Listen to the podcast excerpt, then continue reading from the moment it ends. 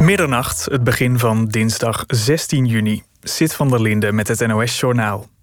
Het Amsterdamse UMC zegt antistoffen te hebben gevonden die veelbelovend zijn bij een mogelijke behandeling voor coronapatiënten.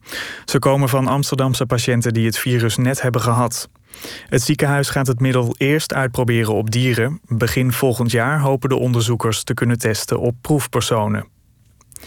De veiligheidsregio's maken zich zorgen over de naleving van de anderhalve meter regel. Burgemeesters vinden die naleving een verantwoordelijkheid van de samenleving. Volgens voorzitter Bruls vergeten veel mensen door de versoepelingen dat de anderhalve meter regel een harde afspraak is, waardoor die versoepelingen mogelijk zijn. Als er stelselmatig van die regel wordt afgeweken, wordt er door de gemeentes opgetreden, waarschuwt Bruls.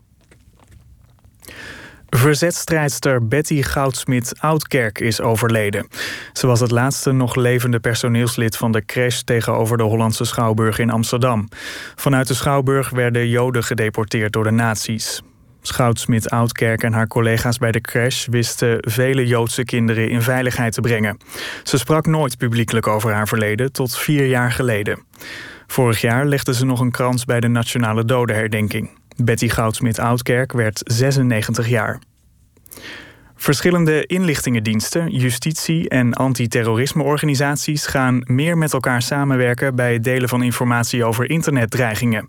De instanties als AIVD, het Openbaar Ministerie en de Nationaal Coördinator Terrorismebestrijding komen gezamenlijk in één ruimte te zitten in Den Haag. Ze gaan samenwerken onder de naam Cyber Intel Infocel. En het weer. Vannacht op de meeste plaatsen droog. De temperatuur daalt naar 14 graden, lokaal met mist. Morgen bewolkt met een enkele bui. Die vallen vooral in het oosten.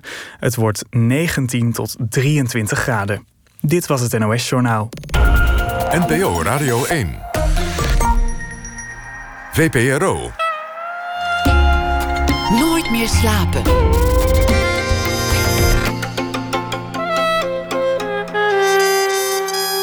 Met Pieter van der Wielen. Goedenacht en welkom bij Nooit meer slapen. Het Holland Festival zou normaal gesproken rond deze tijd zijn losgebarsten. Maar u begrijpt, dit jaar is alles anders. De organisatie laat het er niet bij zitten. En de makers van het lands belangrijkste cultuurfestijn hebben een online programma in elkaar gezet. Nou hebben we dat wel vaker gezien de laatste maanden, online programmering. En uh, met het risico iets onaardigs te zeggen. Vaak was er helemaal niks aan. Een toneelvoorstelling of een concert via de webcam op de laptop. Het werkt zelden. Dingen gaan nu vermoedelijk beter werken. En dat ligt allemaal aan mijn gast van komend uur, Ruben van Leer. Hij is eh, regisseur, videokunstenaar, multimediaal ontwerper. Werkte eerder samen met, en hier komt name dropping, de Black Eyed Peas, met Coldplay, met De Staat als maker van clips en visuals. Hij heeft veel meer dingen gedaan. Bijvoorbeeld ook uh, opera in een deeltjesversneller bij CERN gemaakt. En dit keer gaat hij samenwerken met niemand minder dan choreograaf Bill T. Jones. En Jones die zoekt naar gezamenlijkheid in coronatijden. In pursuit of we in times of social distancing. Thema's die hem al jaren bezighouden komen ineens actueler dan hij kon vermoeden aan bod. Black Lives Matter en de gefragmenteerde samenleving. Ruben van Leer werkte met hem samen om dit allemaal mooi in beeld te krijgen. Ruben van Leer kan dat. Hij heeft een heel eigen stijl van uh, visuals. Geboren in 1984, deed filmacademie, studeerde in San Francisco aan het Art Institute al daar. Won vele prijzen voor die film Symmetry, die ik al noemde. Een dans-opera-samenwerking in die deeltjesversneller van CERN. Ruben, hartelijk welkom. Leuk dat je er bent. Ja, aangenaam. Leuk je te ontmoeten. vertel eens waar, waar je wieg stond. Uh, ja, ik ben geboren in, naar de Bussum. Niet, niet ver hier vandaan? Nee, nee, dat is hier in de buurt. En in een ziekenhuis wat niet meer bestaat, bij Naar de Vesting. En, eh, maar op mijn achtste heel snel eigenlijk uh, op, de, op de basisschool naar Noord-Brabant verhuisd. Vonden mijn ouders wel uh, goed voor de kinderen, wat meer buiten wonen. En uh, daar heel veel met de boerenjongens gespeeld en op koeien geschoten en in, het, in het zand gerold. Op koeien geschoten? ja. Waarmee? Nou, met, met, met luchtgeweren die onschuldig waren. Nee, maar dat, ja, dat, dat, gewoon het buitenleven, ja. En het is grappig dat je het vraagt, maar dat. Ja, daar, daar zijn heel veel van mijn fantasieën, denk ik, ook vandaan gekomen. Gewoon die, eigenlijk die ruimte en, uh, in de natuur. En, ehm, Veel van de fantasieën die je later in je werk bent gaan gebruiken. Ja, denk het. Ja. Want het, het gaat vaak over ruimte. Op wat voor manier klopt, ook. ja. Veel van de dingen die je maken gaan over verbeelding in de ruimte. Dat iemand de ruimte inzweeft, of dat de ruimte groeit of krimpt of kleiner wordt. Ja, leuk dat je dat zegt. Ja, ja inderdaad. Ja, ik de- misschien is het wel de ruimte die ik, eh, waar ik zelf naar verlang. Of eh, ja, misschien mijn generatie wel met alle ongeschreven regeltjes. Of eh, ik, kom, ik kom uit een muzikantenhuisgezin en daar, daar was improvisatie van muziek heel belangrijk. En dat is natuurlijk ook een soort ruimte die je, die je maakt of die je Die je vult. die je vult. Dus eh, ik denk dat ik daar elke keer weer naar teruggrijp. En als het er niet is, dan, eh, dan moet dat gecreëerd worden, ja. Je kunt veel dingen verbeelden aan de hand van ruimte. Muziek natuurlijk ook. Communicatie kan je zo verbeelden. Maar een tekening is ook het vullen van een ruimte. Ja, Van een vlak. ja. Ja, grappig. Ja, ja ik, ik heb acht jaar gedrumd, bijvoorbeeld. Dat gaat dan heel erg over ritme en tijd. Veel minder over harmonie. Moest ik even vanochtend aan denken. En ik ben begonnen als vormgevingsstudent in Utrecht. Ging dan heel erg over typografie. En dat vond ik alles met drummen te maken hebben. Eh, maar ook over frequenties. Want ik ging dan als kunstacademie-student... eh, zat ik met mijn hoofd in de natuurkunde boeken. Eh, dus ja, als je het over ruimte hebt... dan komen allemaal dat soort associaties bij mij op. En waarom heeft typografie met drummen te maken? Eh, ja, ook over ritme en over eh, hè, tekst is ook... eh, Het is ook ritmisch. Letters ritmisch. hebben een ritme. Ja, ja heel, eigenlijk heel vanzelfsprekend. Maar ook de ruimte tussen de woorden bijvoorbeeld. Of de... Hè, de, de, de ja, eigenlijk, eigenlijk is het dat, die, die, die schijnbare tegenstelling... of die complementaire kracht, zou ik misschien zeggen... tussen, tussen het begrip, maar ook eh, van het, het, het mechanische van de, van de tekst. Hoe je schrijft of hoe je vormgeeft, hoe je Pas, designt. pas, boem, paukenslag. Ja, precies. Dat, dat heeft al meteen ritme. En Ja. typografie. Ja, ja dat. Ja, en. eh, maar, maar bijvoorbeeld als je het hebt over dat, eh, dat project in CERN, da- daar komen ook weer al die grafische vormen terug. En eh, over, over deeltjes gesproken. En ik weet niet of ik die sprong zomaar kan maken. Maar La- Laten we CERN nog heel even wachten. De, de, de oerknal en alles wat eruit ja, voortkwam. precies. Je, je zei, ik kwam uit een muzikaal eh, gezin eh, van Leer. Thijs van Leer is jou, jouw vader. Bekend fluitist. Bekend van Focus en heel veel andere projecten. En Wel, wel echt een beetje een legende in de Nederlandse muziek. Die man. Ja, ja, ja dat is voor, voor mijn tijd. Ik denk ook een beetje voor jouw tijd. Dus eh, dat waren de wilde jaren zeventig. Mijn pa was volgens mij eh 21 of zo. En toen stond hij eh, in Amerika te, te knallen. Met Jan Akkerman op gitaar. En ik kom uit 84. Dus voor mij was, was dat allemaal al lang voorbij. De wilde jaren waren al achter de rug. Zeker, ja. Dus ik, eh, ik zie mijn vader als een, als een hele lieve, warme knuffelbeer... die, eh, die eigenlijk alleen maar muziek met ons wilde maken. Eh, en, en dat deden we ook in volle teugen thuis. Maar ja, hij is inderdaad de, de, de jodelaar en de componist van, van Focus onder andere. En later Introspection in Nederland, veel... met, met Rogier van Otterlo en die hele scene. Focus was een, was een band, een beetje progressieve rock, die, die, die grote hits scoorde. Toerde met grote, grote bands samen. In Nederland het podium met Queen gedeeld in de jaren zeventig, om maar eens wat te noemen. Oh ja. En die, die, eh, die wilde jaren, heeft hij daar ooit iets over verteld eigenlijk? Of wa- was het een soort anekdote die dan s'avonds opkwam na twee bier? Pap, vertel nee, eens. nee, mijn mijn vader, dat heb ik misschien ook wel een beetje van hem eh, georven. Is, eh, ja, dat, die, komt, die kan heel goed verhalen vertellen. Eh, nog beter dan ik verbaal. En, eh, en dan, dan er werd ook veel namen gedropt. Je noemde het eerder al. Eh, dus dan, ja, de Jacksons 5 zaten op de voorste rij. En ja, de, ja, de wildste verhalen. Arena's in Spanje heeft hij gedaan, weet je wel. Met Miguel Rios, dat was dan een volksheld uit Spanje. En ja, dat, dat soort verhalen. Gewoon echt eh, tienduizenden mensen, eh, publiek. Maar ook dat Jan Akkerman dan het uh, opnam in de Rolling Stone magazine tegen Eric Clapton als de beste gitarist ter wereld, weet je wel. Dus van dat niveau, ja, dat, dat kunnen wij ons niet voorstellen. Dat was denk ik ook heel erg voor die, voor die tijd. Um, maar ja, dat, ja, dat, uh, dat heb je allemaal, allemaal gehoord. Was, was jij een nakomertje? Was jij, was jij Zeker, ja. De, de, veel de jongste?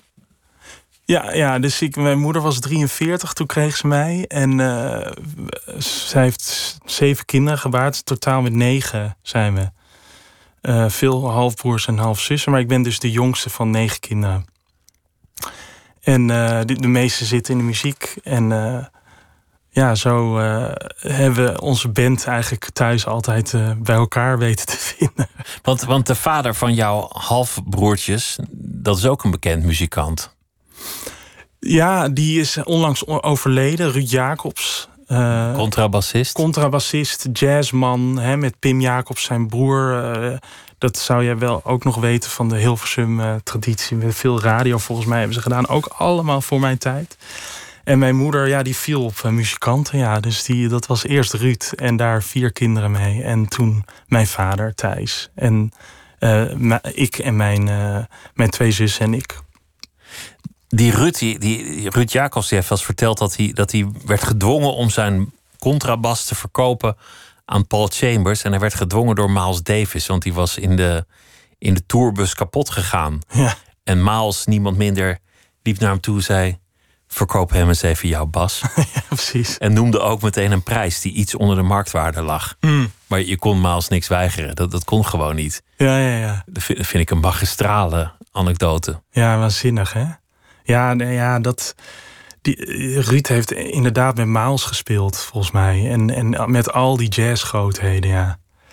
Ja, en mijn pa die was, was volgens mij altijd de jongere kant. Die, mijn vader heeft echt bij Ramses Shaffi, weet je, ook dat hele theatrale had mijn vader altijd. Daar is hij echt begonnen in het theater bij Ramses. Daar moest hij zich binnenvechten. En, uh, en dat, dat hoor je ook terug in zijn spel nu, vind ik. Het is toch een soort. Er zit ook een knipoog in, die, in de muziek van mijn vader. En, en eh, ik denk wat, wat ik er heel erg aan overhoud, maar wat mij denk ik heel erg inspireert, is dat hele eclectische. Dat, er, er zijn geen grenzen. Je kan progressieve rock maken, jazz spelen, je kan klassiek doen, je kan, je kan bij Ramses Shaffi in het theater staan. Precies. Maakt allemaal niet zo gek veel uit. Nee, en ook geen genres. Gewoon alle cross-genres. cross-genres. Ja. Hoe was het dan thuis als alles via de muziek gaat? Mm.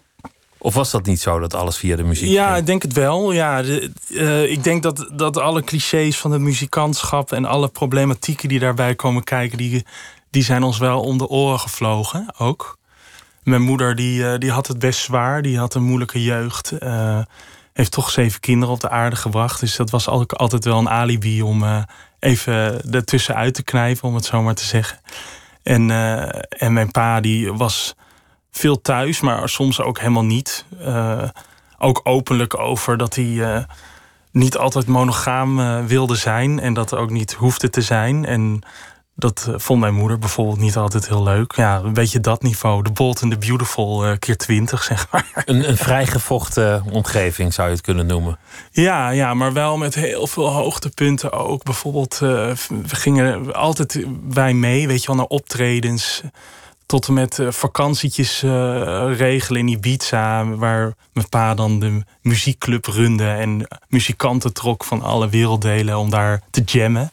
En dan zat ik daar als jongetje van zes uh, tot diep in de nacht met mijn doosje Lego boven te spelen. En viel ik in slaap op de bank terwijl die gewoon de volle zaal, weet je wel, met, met muziek. Dus, maar ook met, met daar met de echte flamenco uh, groepen van, uh, van Grenada. En die, dat mijn pa dan ging een stukje rijden, weet je wel. En dan had hij weer een belletje, want hij speelde natuurlijk vroeger met ook die, die, die, die, die volkszanger daar bijvoorbeeld. En dan had hij weer, ging me bellen en dan maakte een rondje, maar dan bleef het toch weer ergens, moest weer gemusiceerd worden. Weet je wel, dat niveau. En dan altijd gewoon wij mee, achterin de auto en uh, ja, door, door het land crossen. Op zoek wel, naar wel, muziek. Wel mooi wat je zegt, er moest weer gemusiceerd worden. ja. Werden dan zo thuis ook dingen uitgevochten, goed gemaakt, bijgelegd, bijgepraat? Ja, door ik denk, te ik denk het zeker. Denk het zeker. De theatraliteit, hè, waar ik het net over had van Ramses, die. Uh, dat was ook een beetje gewoon ons huishouden. Dat was, dat was met elkaar verweven. Dus daar, daar kon, kon wel flink ook uh, uitdrukking aan gegeven worden, zeg maar. Ja, aan het theatrale. Ja, denk het wel. Hoe, hoe, bedoel je dat? Nou, mijn moeder op de pannen klappend door de woonkamer. En we hadden twee vleugels thuis.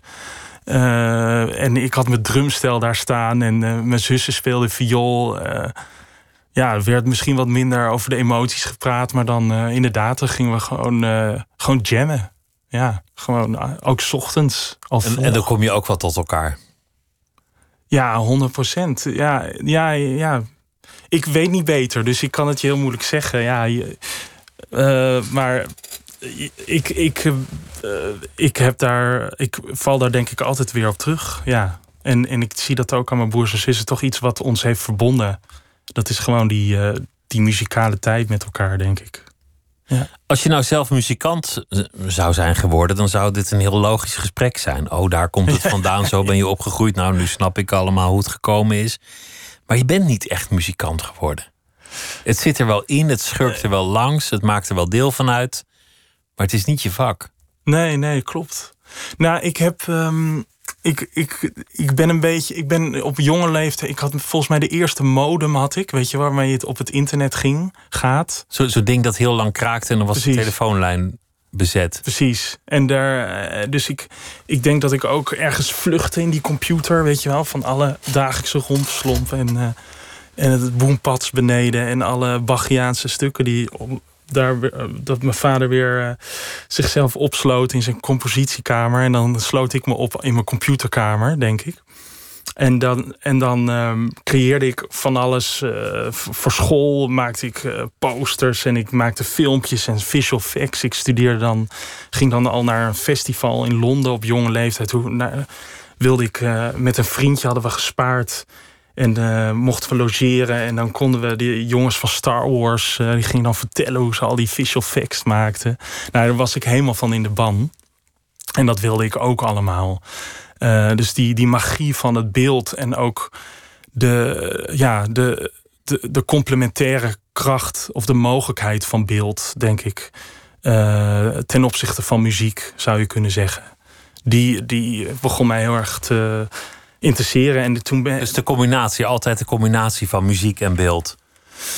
Nee, ja, zeker. Want ik, ik, ik uh, moet ook even denken aan bijvoorbeeld Kandinsky, uh, de schilder, de Russische schilder, die, uh, die, die die brievelingen met Schoenberg, weet je wel, dat had ik dan op de kunstacademie bij kunstgeschiedenis kreeg ik dat.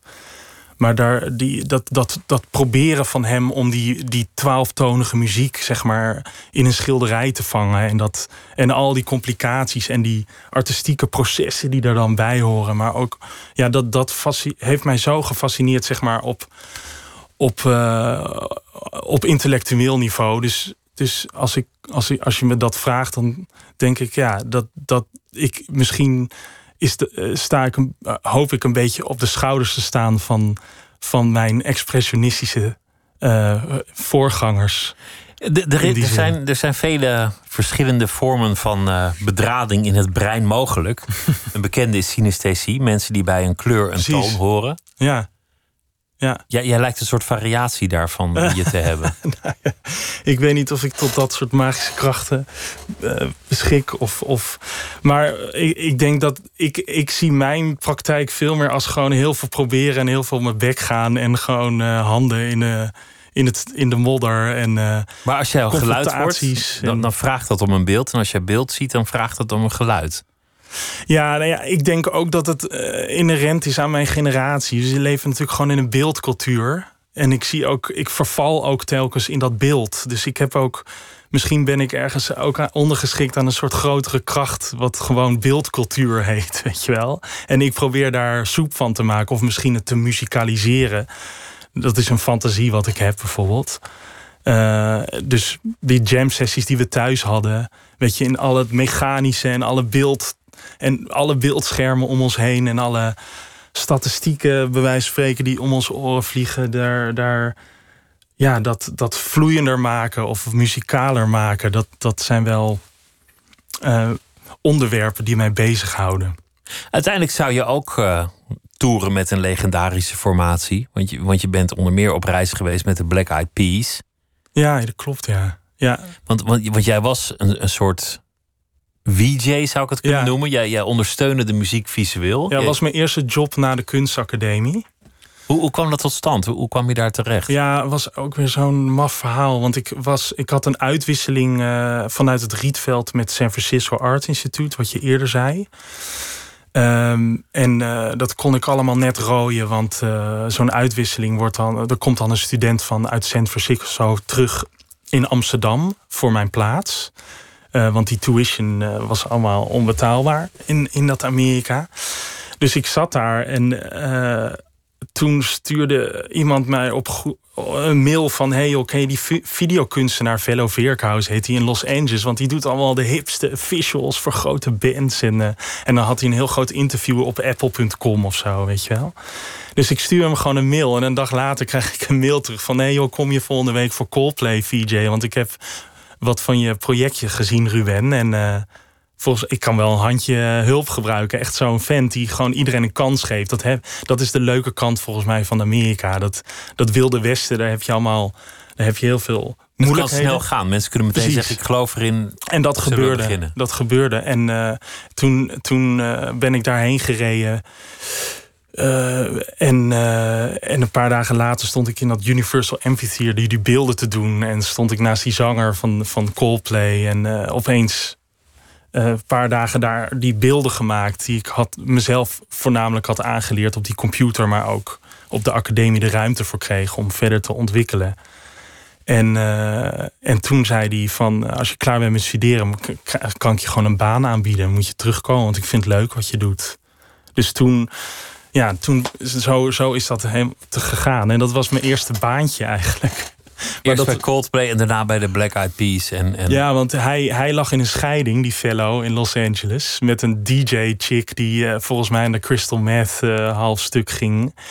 En hij had een dochter en hij was gewoon een hele toffe, st- stoere, eh, positieve vent. Maar ook gewoon heel veel uitdagingen in dat gekke Los Angeles. Wat een soort van, ook een soort stadsjungle is met alle gevaren van dien. En eh, hij had altijd te veel werk. Dus ik zat daar op een gegeven moment in zijn studio met nog twee anderen. Maar ja, dan komt opeens komt er een belletje met een hele grote klus. En dat was dan de Black Eyed Peas Wereldtour. En daar moeten dan beelden voor komen, weet je, projecties. Maar we deden dat met grote ledschermen en met camera tracking uiteindelijk. Eh, en, en dan krijg ik gewoon dat project in mijn schoot geworpen. En er was opeens, weet ik veel, 400.000 dollar budget en zo. En dan kon ik eh, eigenlijk allemaal jongens zoals ik inhuren uit die regio. En mocht ik concepten verzinnen. En ik kon mezelf ook op de lijst zetten van meetoeren als VJ. Vond je dat leuk, dat toeren? Nou, nee, ja, dat, eh, ja nee. Want dat is gewoon super hard werken, 16 uur per dag. Slapen in een bus. Slaap in de bus. Eh, in Europa hebben we een heel groot deel met de bus gedaan. Een hele luxe bus. Maar eh, ook gewoon soms in het looppad liggen. Omdat er, weet ik veel, even geen plek is of zo. Eh, en, en soms feesten en dan niet slapen. En de andere keer eh, bij de roadies in de bus met een soort van Hells Angels types. eh, dus een hele, hele goede mix want van jij valt, ervaringen. jij valt eigenlijk dan net tussenin tussen de, de ster, die een zekere mate van luxe verdient, en de crew, die dat wat minder krijgt. Nee, ja, precies. Maar er is wel een hele toffe, eh, gelijkwaardige sfeer, weet je wel. Het zijn natuurlijk wel allemaal mensen die, eh, ja, die gewoon dat, dat, dat hele bühne bestaan tot zich hebben genomen. En dat zijn, waren natuurlijk alleen maar verhalen van mijn vader, weet je wel. Dus het, het was eh, ik, als ik er nu aan terugdenk, denk ik, ik wilde gewoon even daar dat even opsnuiven hoe dat dan is. En ook die hele muziekindustrie, daar heb ik dan een beetje de top van de ijsberg gezien. Want LA is natuurlijk wel een beetje de media capital of the world. En als je Black Eyed Peas zegt, hoe, hoe artistiek die, die crew zijn begonnen allemaal, is natuurlijk ook gewoon een soort van het toppunt van commerciële Amerikaanse muziek. Waar ik ook tegelijkertijd heel erg kritisch over ben. Eh, maar ja, de, Om, omdat er ook wel een zeker element van marketing aan te pas komt, bedoel je? Ja, ik, eh, da- dat. Ik, eh, Will I Am is dan die, die, die frontman van, van de Black Eyed Peas bijvoorbeeld. Die, eh, die is gewoon ja, heel geraffineerd in zijn muziekproducties. En ja, dat, dat werkt gewoon heel goed. En dat, dat vind ik ook wel te gek hoor. Om, om dat te ontcijferen van hoe werkt dat dan en hoe zit die muziek. Wat is die truc? Precies. Voor Coldplay is het heel belangrijk, want hun, hun shows zijn tamelijk spectaculair met, met reusachtige schermen Hmm. waarop van alles gebeurt. Hoe vond je het om, om zo verantwoordelijk te zijn voor zo'n grote productie? Want er staan tienduizenden mensen uiteindelijk te kijken en op te gaan in jouw Ja. creatie of, of die van jouw team. Nou, bij Coldplay was het echt eh, maar waren het kleine shows hoor, lokaal. Eh, want ik ben ook naar Sydney een paar, twee jaar geleden geweest naar een Coldplay eh, voorstelling. En dat was, ja, dat is stadionwerk. En dat deed ik niet met Coldplay, maar wel met de Black Eyed Peas. Daar Eh, deed je die grote dingen en voor ja. Coldplay de, de kleinere dingen. Ja. Je, je hebt wel muziek meegenomen van Coldplay. Wat, wat ik wel weer grappig vind, gezien de, de muziek waar, waarvan je ook houdt. Maar, maar dit is Speed of Sound. Wil je er iets over vertellen? Ja, ik had helemaal niks met die muziek. En eh, totdat ik dus die, daar opeens beelden stond te maken voor die band. En eh, ja, dus de- deze track die brengt een soort van nostalgie voor mij. Voor dat moment. eh, dat die, die West Coast, Amerika. Je moet je voorstellen, die co- van Highway 1 van San Francisco naar Los Angeles. Eh, weer over die landschappen, weet je al, gesproken. En, eh, Ja, dat is en, prachtig. En dit nummer, ja, ik, ik, ik was een beetje allergisch voor sowieso. Alles wat, wat te populair wordt, daar, eh, daar heb ik automatisch soort van moeilijkheden mee. En dat had ik ook met Coldplay, zeg ik eerlijk. Maar ja, dit nummer is op me gaan groeien, denk ik. En dat komt natuurlijk gewoon omdat ik daar toen die, dat moment had. En van, van even ja, die, die, die kans krijgen eigenlijk. Van een soort van semi-boerenjong naar een soort Amerika-productie. Naar, naar het gevoel, het is begonnen. Ik probeer me Highway One erbij voor te stellen. Misschien zien we een walvis. Hier is Coldplay.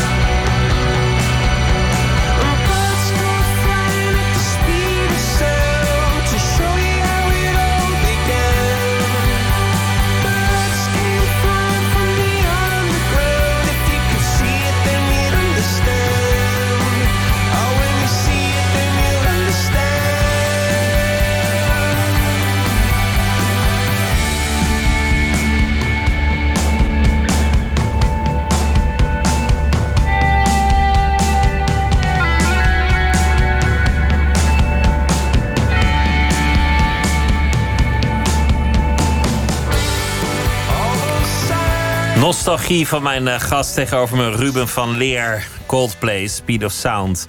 De herinnering aan Highway 1. Het gevoel dat alles echt begonnen is. Want hij ging van San Francisco naar Los Angeles. En daar werkte hij ineens op een bureau dat uh, video, producties, animaties, visuals maakt voor grote artiesten. De Black Eyed Peas.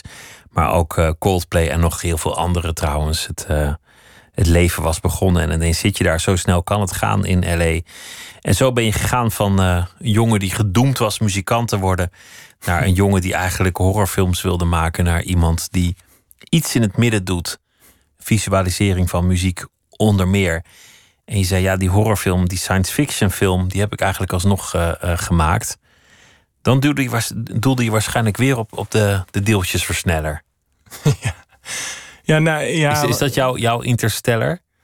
Nou, wel de. Wel een beetje een soort overwinning voor mezelf om, om ja, dat pad uh, te onderzoeken.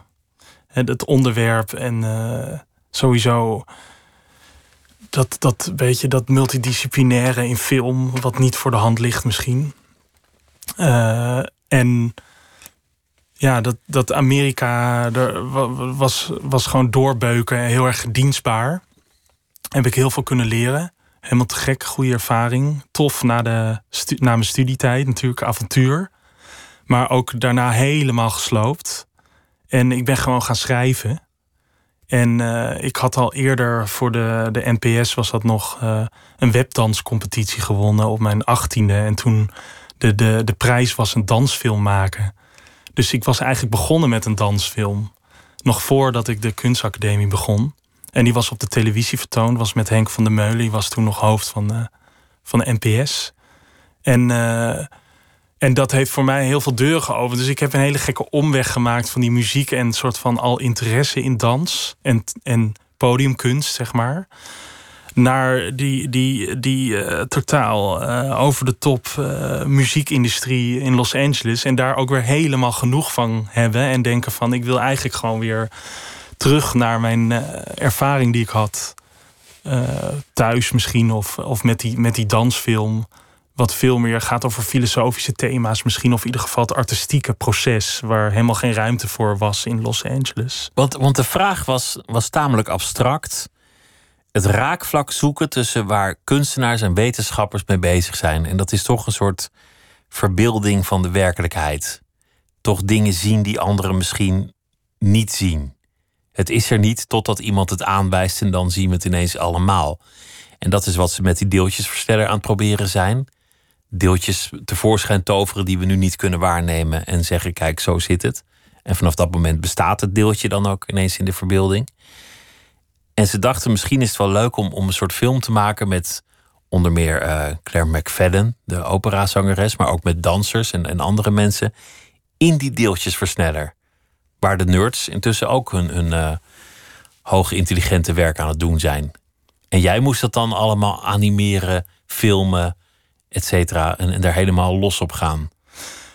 Ja, ja het, het, ik, ik was gefascineerd door uh, filmmakers als Werner Herzog, weet je wel. Of dat, dat was dan. Uh, die, hoe wild hij eigenlijk gewoon die camera pakt en dan uh, op avontuur gaat. En, en probeert dingen te ontdekken. Precies. En, en dat veel meer als een, als een artistiek proces ziet. Dat filmmaken dan een soort eindproduct wat je dan gaat distribueren of zo. Of een verhaal wat wat je maakt voor een publiek. Nee, veel meer als een kunstwerk benaderd film maken. En uh, dus daar was ik heel erg naar op zoek, denk ik. En tegelijkertijd uh, had ik een soort ja, ik zat heel erg in met mijn hoofd bij die uh, future sciences. Dus heel erg een beetje ook pseudowetenschap. Uh, water heeft geheugen en zo. Ik weet niet of je dat allemaal iets zegt. Oh ja, ja. Dat heb ik allemaal wel eens gezien. Ja. En, als, je, als je heel lief tegen je glaasje water praat, dan krijgt het mooie kristallen. Precies, precies. En, ik geloof er nooit zo in. Nee, nee. Nou ja, en dat, dat maakt mij niet uit of, of ik erin geloof of niet. Maar ik, ik vind, het, interessant. Ik vind het artistiek gegeven. Ik, het is verhalen vertellen ook. En uh, dus dat. En dan uh, dat schuurt ook weer met, uh, weet je wel, de hele harde wetenschap. En dat vind ik super spannend. Want zonder die schuring vind ik het eigenlijk niet meer leuk. Want, want zo goed kan ik natuurlijk helemaal niet die, die die, die theorieën uitleggen van die hele deeltjesversneller. Dus het, het, het is natuurlijk mijn artistieke brein wat aangaat als ik daar eh, over CERN nadenk. Een soort van de kathedraal van de wetenschap. Vonden ze dat allemaal goed? Nee, helemaal niet. En we hadden ook echt. eh, ik had het script al twee jaar lang onder mijn arm. Maar toen eh, konden we eigenlijk pas in die schachten. En dan hadden we maar drie dagen. En moest allemaal even heel snel. En als een scheet was het weer voorbij. Weet je wel? Maar, maar hoe was dan de sfeer? Dachten ze van, jezus, wat, komen die mensen hier doen? heel open. Kijk, dat is natuurlijk wel iets eh, wat, wat, wat die guys daar hebben, is natuurlijk wel een soort openheid. En, en eh, er is daar een control room waar dat Higgs-deeltje is, eh, voor het eerst is gezien op een computerscherm in 2012. In die control room, daar wilde ik dan filmen. En daar waren gewoon de, die deeltjesfysici aan het werk op mijn draaidag. En ik vroeg gewoon, jongens, willen jullie in de film? Dus je ziet op een gegeven moment een soort dansbattle. Maar dan ook met die wetenschappers die toevallig daar op die dag aan het werken waren. En die wilden allemaal meedoen. En dat is natuurlijk wel echt het bijzondere van waar ik het eerder over had, over Werner Herzog en zo'n artistiek proces. Dat, er, dat, dat, je, dat het één voet in de werkelijkheid is. En aan de andere kant ben ik gewoon een, Een fantasie aan een het maken. fantasiefilm aan het maken. Maar wel dus met, met eikpunten in gewoon de reële wereld. En dan ook nog eens in CERN, wat eigenlijk daar ook weer over gaat. Over wat is werkelijkheid en wat is.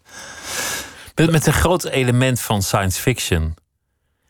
De vergelijking met Interstellar is, is wel gevallen, omdat, omdat het qua sfeer wel, wel redelijk overeenkomt.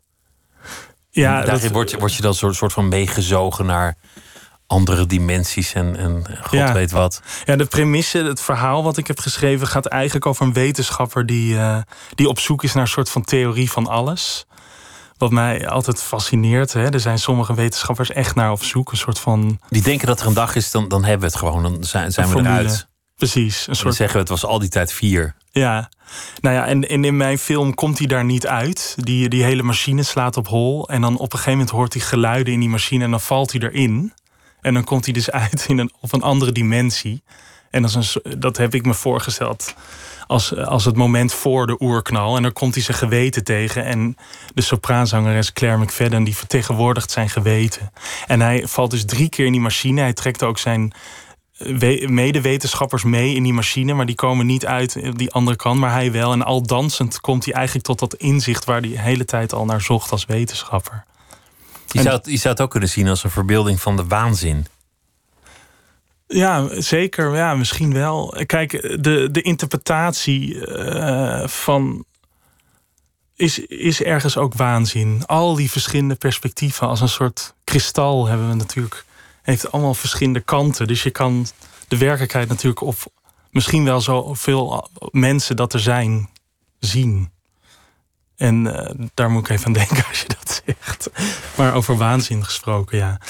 En. eh, en met dans en dat artistieke proces, vooral denk ik in de podiumkunst, gaat daar volgens mij heel erg over. En is die ruimte er ook. Ga- Gaat waar over? Nou, ook over de grenzen van je mens zijn eh, opzoeken. Wat ik synoniem vind met waanzin. En dan kijken of je iets kan creëren wat contact maakt met je publiek en met de buitenwereld. Maar ik denk dat je die grenzen van de waanzin, dat die absoluut. W- Wat is dat, de, de grens van je mens zijn opzoeken? W- Wanneer doe je dat? Hoe, hoe werkt dat? Ja, jezelf totaal in twijfel trekken. Eh, in, in, in het diepste wezen. Dat Gewoon, gewoon, gewoon in condities komen waarin alles oncomfortabel wordt, ook voor jezelf. Zeker, zeker. Ja, dat zo Jezelf ervaar op de ik die. proef stellen. Ja. ja, en dat heb ik wel. Dat heb ik denk ik wel echt geleerd van, van een beetje mijn, mijn leermeesters, om het zo maar te zeggen. Maar ook bijvoorbeeld van het project waar ik nu mee bezig ben, Bill T. Jones, een man die al bijna 70 is, weet je wel. En allemaal dingen heeft meegemaakt waar ik niet over kan meepraten. Maar wel. eh, eh, maar ik heb ook een project een keer gedaan met Peter Greenaway. En ik heb eh, Michel van der A mogen assisteren met een soort 3D-filmopera. En dus heel veel types ook. Dus, dus dat zijn in die hoek van de podiumkunsten echt hele grote namen. Nou, weet Peter ik niet. Greenaway, ik denk Bill binnen bepaalde Jones. kringen. Hè, de, sommige, je, Van der A, ja. Ja, maar, maar, maar wel, maar goed, ook eh, he- heel erg dat, dat experiment opzoeken en, en daarvoor gaan. Gewoon, daar- daar gewoon ik- samen ergens naartoe gaan en niet precies weten waar je gaat uitkomen. Ja, daar, daar, dat is het. Zwerven. Die, die Bill T. Jones, want, want hij was artist in residence. Dat is een interessante man, omdat hij ehm, heel vernieuwend is geweest al in de jaren zeventig. En daarna ook wel, maar, maar toen, toen zeker. De thema's waar hij altijd al een beetje mee bezig was: afstand tussen mensen, een uiteenvallende samenleving, segregatie, Black Lives Matter. Kunnen we elkaar nog wel vinden? Kunnen we elkaar nog wel aanraken? Mhm. afstand en nabijheid. Dat zijn eigenlijk de thema's die hem altijd hebben bezig gehouden. En toen kwam ineens die, die, die, eh, die rot-corona.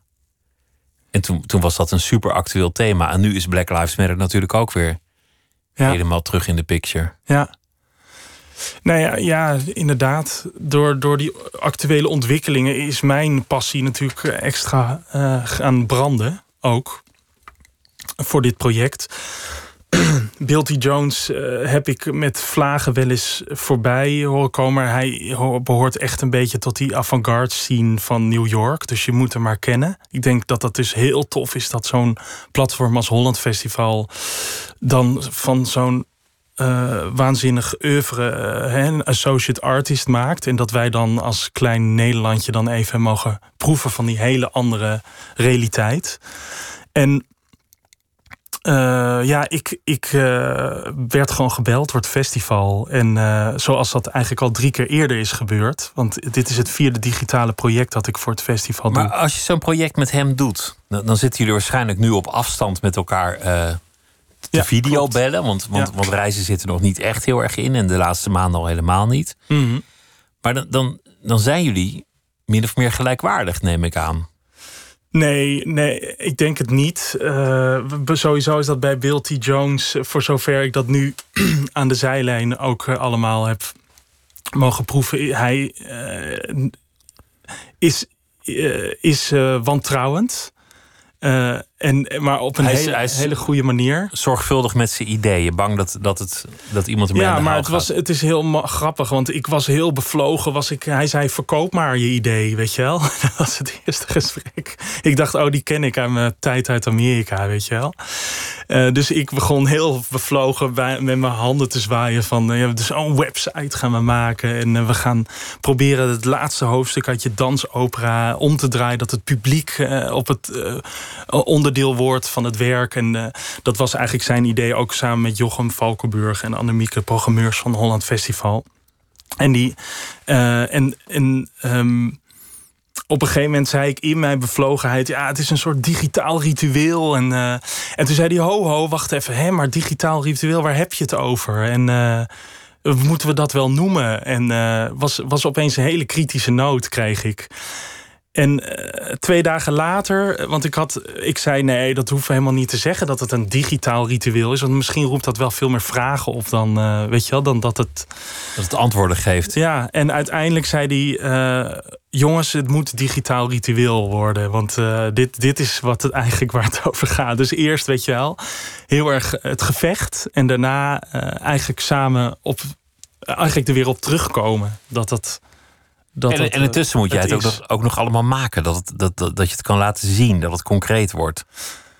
Nee, precies. Eh, Ik denk dat ik dat ook wel het leukste vind hoor. In die zin ben ik wel een pragmaticus. En, eh, en eh, ben ik ook een facilitator in dit, eh, ik, in dit oogpunt, denk ik. Want ja, het is wel echt zijn ideologie en zijn eh, beel- beeld wat ik versterk. Dat Deep Blue Sea is een stuk wat hij eh, niet kon opvoeren door het corona gebeuren. Hij zou een première in New York hebben en eh, was een co-productie met Holland Festival. En dan bij het Holland Festival de Europese productie. Dat kon allemaal niet. En eh, dus ja, ik heb daar een soort bewerking maak ik van mensen die hun, eh, hun I Know video kunnen uplo- uploaden, zo noemen we het, op iknow.hollandfestival.nl. Het publiek doet mee door iets in te spreken. Precies. met- en dan, dan liefst ook Op de website. onder- ja. ondersteund over iets dat je zeker weet. Ja, dus hij, hij challenged eigenlijk het publiek met een, met een, met een filosofische vraag. En, en het, de website die ik heb gebouwd en een soort van bijna social media-achtige campagne. Die, eh, ik- ik hoop dat hij dat complementeert. Dus ik bestorm heel erg de, de Instagrams en de, de, de stories op Facebook, zeg maar, met, met soort van videocollages. Maar die bestaan allemaal uit eh, wat mensen uploaden. Een soort crowdsourced uh, videomateriaal. Waardoor we toch nabijheid krijgen terwijl we niet bij elkaar kunnen zijn. Dat, dat is de. Precies. En ik, ik werk met een heel tof team uh, render in Den Haag. En die. Um, die uh, hebben een soort van visuele tools, maar die echt gebaseerd zijn op deep learning algoritmes. Dus de, ik, ik probeer uh, soort van een, een we noemen dat een archief van kennis op te bouwen.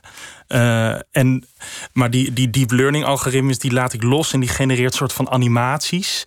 En die die technieken, als het ware, die, die maken die verbinding tussen die, die individuele uploads, om het zo maar te zeggen. Oh ja, ik ben, ik ben bij de modem blijven hangen. Dus, dus dit, dit was niet aan mij besteed. Het klinkt, het klinkt heel cool wat je gaat doen.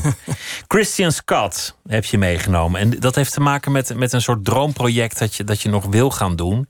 Christian Scott is een uh, jazzmuzikant, een trompetist uit New Orleans. Hij, is, uh, hij stamt af van, van chiefs, van, van uh, zwarte indianen in Amerika. Dat zijn ooit vrijgevochten slaven die zich aansloten bij Indianen-tribes en dan hun eigen status kregen. En hij is ook nog heel actief in die gemeenschap in New Orleans. Geweldige muzikant, maar, maar ik ben benieuwd wat, wat, jou uh, erin aansprak. Ja. Ja, ik ben opgegroeid uh, met Herbie Hancock en Miles Davis, weet je wel. Dus uh, ook al, ik drumde de, de funkplaten van, van Herbie nou, dus dat is, dat is gewoon iets wat onderdeel is van, van wie ik ben, denk ik. Ik heb, uh, werk heel veel met verschillende jazzmuzikanten. Ik heb een aantal video's gedaan uh, met Tigran Hamashan bijvoorbeeld. Die ook heel erg in die Amerikaanse jazz scene zit. Maar, maar, maar vooral ook zijn Armeense invloeden daarin uh, betrekt. Een pianist is dat? Een pianist en we hebben in Parijs een live ding ook gedaan met, met beelden. En daar zitten dan allemaal weer New Yorkse jazzmuzikanten ook weer in. En op die manier ben ik, ja, heb ik ook weer contact met Christian Scott gekregen. En af en toe uh, wisselen we ideeën uit, weet je, op Instagram Messenger. Of, of, tussen alle tours. Uh, en, wat, hij zegt, een van de grootheden van dit moment. In, ja, misschien wel, hè? Ja. ja, denk ik wel. Maar ja, zijn muziek is echt. Uh, gaat, gaat bij mij heel diep. Het heeft. Het heeft alles wat voor mij muziek uh, zou moeten zijn um, als het gaat om improvisatie en verschillende uh, karakters bij elkaar brengen in de muziek die hij doet en ze ook allemaal die ruimte geven. Maar ook, uh, ook zijn activisme spreekt me heel erg aan. Wat, wat, wat, wat ergens natuurlijk heel ook ver weg van mij is. Over racisme heb je het dan? Nou, ja, maar ook zijn Indianenafkomst en, en zijn, zijn zoektocht naar identiteit, zou je het misschien uh, kunnen noemen. Ik denk dat dat gewoon iets heel erg is van mijn generatie. En dat, dat zonder. Er zit helemaal geen tekst in zijn muziek, weet je wel. Maar als hij dus live optreedt, dan gaat hij daar. Dan heeft hij een voorwoord en dan praat hij daarover. En dan. Dan, uh, dan voel je dat ook echt in de muziek. Dat dat ook echt zo. Uh, dat, ja. daar, dat daar veel bevlogenheid zit. Precies. Moet dus een project worden. Misschien een film, misschien iets anders. Maar we gaan uh, luisteren naar uh, The Eraser van Christian Scott.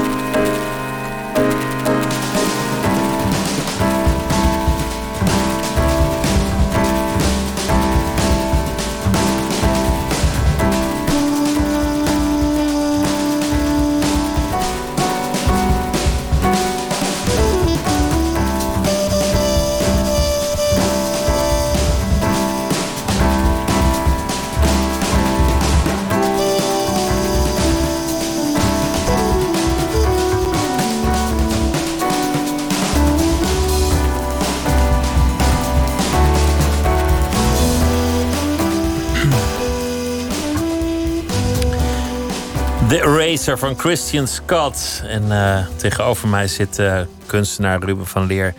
Die uh, met hem aan het, wat was het, messengeren is. Om, om misschien tot een, tot een project te komen in de nabije toekomst. Je, je, zei, je zei een aantal dingen op een aantal momenten. Het is, het is een soort zoektocht waarbij je jezelf op scherp moet stellen. Waarbij je niet precies weet wat er uit gaat komen. Maar dat je, dat je jezelf op de rand van de waanzin brengt. En toen noemde je dat ook van ja, dat past bij mijn generatie. Die combinatie van idealisme, van zoeken en niet precies weten waar je je gaat vestigen. Hm. Ja. Hoe, hoe, hoe, zie je dat als een deel van jouw generatie? Hoe is dat anders dan, dan, dan jouw vader of, jou, of jouw moeder? Ja, weet ik eigenlijk niet. Maar ik kan een beetje, beetje vissen. een beetje brainstormen met je. Nou, ik, ik denk. Um, ik denk dat wij alle. Ja, ik zit ook heel erg met mijn kop de laatste tijd bij dat. Uh, surveillance, capitalism, zeg je dat iets? Dat van de grote vijf internetbedrijven, hoe, hoe we eigenlijk onze data allemaal weggeven, weet je, zonder dat we het doorhebben. En dat vind ik razend interessant. Uh, en dan kom je bij Noam Chomsky en wij, uh, weet je wel, de, het idee dat, uh, dat we misschien wel veel minder vrij zijn dan we denken. Het is een behoefte aan vrijheid. Ja, gek genoeg, terwijl je eigenlijk zou zeggen, we kunnen alles. Dus er is een hele rare paradoxaliteit daar. En misschien, misschien dat het daarover gaat. Ik bedoel, mijn pa bijvoorbeeld, mijn ouders, naoorlogse generatie, er was alles al voor vrijgevochten. Mijn opa heeft, uh, heeft echt in het verzet gezeten en volgens mij zelfs vliegtuigen uit de lucht geschoten. Uh, dus die, die, dat is dat hele stuk. En dan mijn pa met Shaffi, een soort van hippie-tijd, weet je wel. Alles vrijheid. Ja, en wat is dan mijn generatie nu? En uh, we zitten natuurlijk toch heel veel op ons mobiel en zo. En we zijn heel veel met die, die data, wordt nu zoveel waard. Dus ik denk ja, als je het hebt over mijn rol als kunstenaar of zo in de maatschappij, dan zou ik bijna zeggen: ik, wil, ik zou wel echt die, die datastromen, eh, die, die macht daarover willen ontwrichten, of in ieder geval willen infiltreren en met, met vrijheid en muziek willen uh, ja, bevechten of, of mee samenwerken soms. Maar in ieder geval daar veel meer ook de ruimte in uh, proberen te vinden. Het lijkt een soort behoefte om te dwalen, om, om niet uh, ingekapseld te worden. Precies. Dat niemand een hek om je heen plaatst, digitaal of niet digitaal. Ja, maar het is een beetje abstract, want ik. Ik bedoel, ik, ik kan ook wel best wel makkelijk praten. Ik heb, ik heb uh, best wel wat studiejaren gehad. Volgens mij was ik de laatste lichting die nog echt uh, langer dan. Weet je, ik heb vijf, zes jaar gestudeerd, weet je wel. Volgens mij kan dat nu allemaal niet meer kosteloos mijn kinderen, ik heb twee hele lieve kleine dochtertjes die, uh, ja, die moeten daar harder voor vechten, voor, nog, nog harder voor vechten, voor die vrijheden misschien wel. Dus uh, ja, ik, uh, maar zeker, ik denk dat er heel veel gevaren op de loer liggen, om het zo maar te zeggen, waar, waar ik wel een enorme uitdaging zie. En volgens mij ben ik daarmee bezig en ik vind heel veel terug in, in, die, uh, in die, die kunsten en in die podiumkunsten en dans en, uh, en al die projecten die ik doe. Daar vind ik wel heel veel oplossingen, uh, denk ik, voor hele grote, misschien wel sociale problemen of zo, zou je kunnen zeggen. Juist in die kunst, in die abstracte kunst, vind jij de oplossing voor, voor dit soort ja. schijnbaar ingewikkeld, ja, moeilijk oplosbare problemen? Maken. Ik kan het heel makkelijk. De, de, de danser en de muzikant die, die zijn nog steeds het minst betaalde in de, in de hiërarchie van ons stelsel. Dus totdat zij niet netjes worden betaald. En uh, zoals alle grote bazen in, in het bedrijfsleven, om het zo maar te zeggen, is er denk ik gewoon een, een gezonde strijd. Is er nog een strijd te voeren? Ja, dat, dat, dat zou iedereen wel met je eens zijn, geloof ik. Dat er nog een strijd te voeren is. Zeker, ja. Is je grote droom een film? Nou, mm, ja, nee. Dat is een goede vraag. Want film voor mij heeft ook iets heel traditioneels. Het zitten in een bioscoop. Het licht gaat uit. Het licht gaat uit. En daar is zo'n project wat ik nu mag doen eh, met, met Bill T. Jones en het Holland Festival is bijna het tegenovergestelde. Is heel, heel eh, extrovert. En social media bestormen. Is eigenlijk de andere kant. En ik, ik, ik moet je wel zeggen dat ik dat ook super interessant vind om juist die, dat die bezinning die, die de bioscoop kan hebben in het donker bij, eh, bij het publiek. Dat je naar binnen gaat. Dat je dat juist in die hele uiterlijke media, dat je de, die vraag stelt: What do you know? What do you profoundly know? Hè, dat je dus dat jij als deelnemer en ik hoop dat je deze luisteraars nog wil oproepen om, om mee te doen. Want Dat je kan kan, nog. kan nog maar een paar dagen iets uploaden. Eh, maar ah, om die stap te. z- We hebben, ik heb het heel laagdrempelig gemaakt. Maar het blijkt dus toch een enorm hoge drempel voor mensen om zichzelf even 10 seconden te filmen. En dan even na te gaan. Wat weet ik nou eigenlijk? Van, Ik zou, ja, ik zou er ook niet uitkomen. Socratisch zou ik zeggen dat ik niks weet. Nee, ik denk, eh, en, en Will T. Jones zegt dat dat eh, eh, een van de oorzaken is voor, voor de gefragmenteerde wereld waar we nu in leven. Dat we niks meer zeker weten. Precies.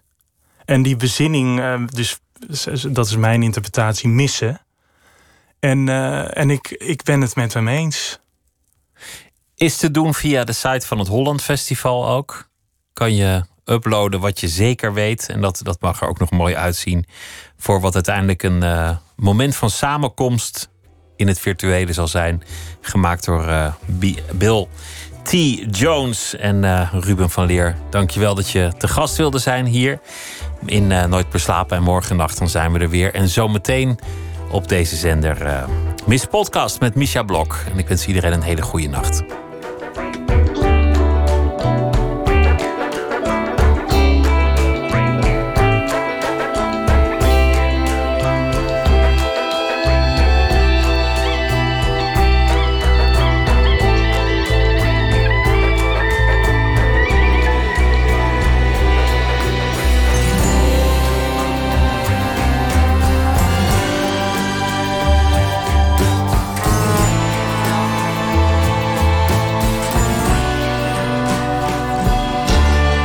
Radio 1. Het nieuws van alle kanten.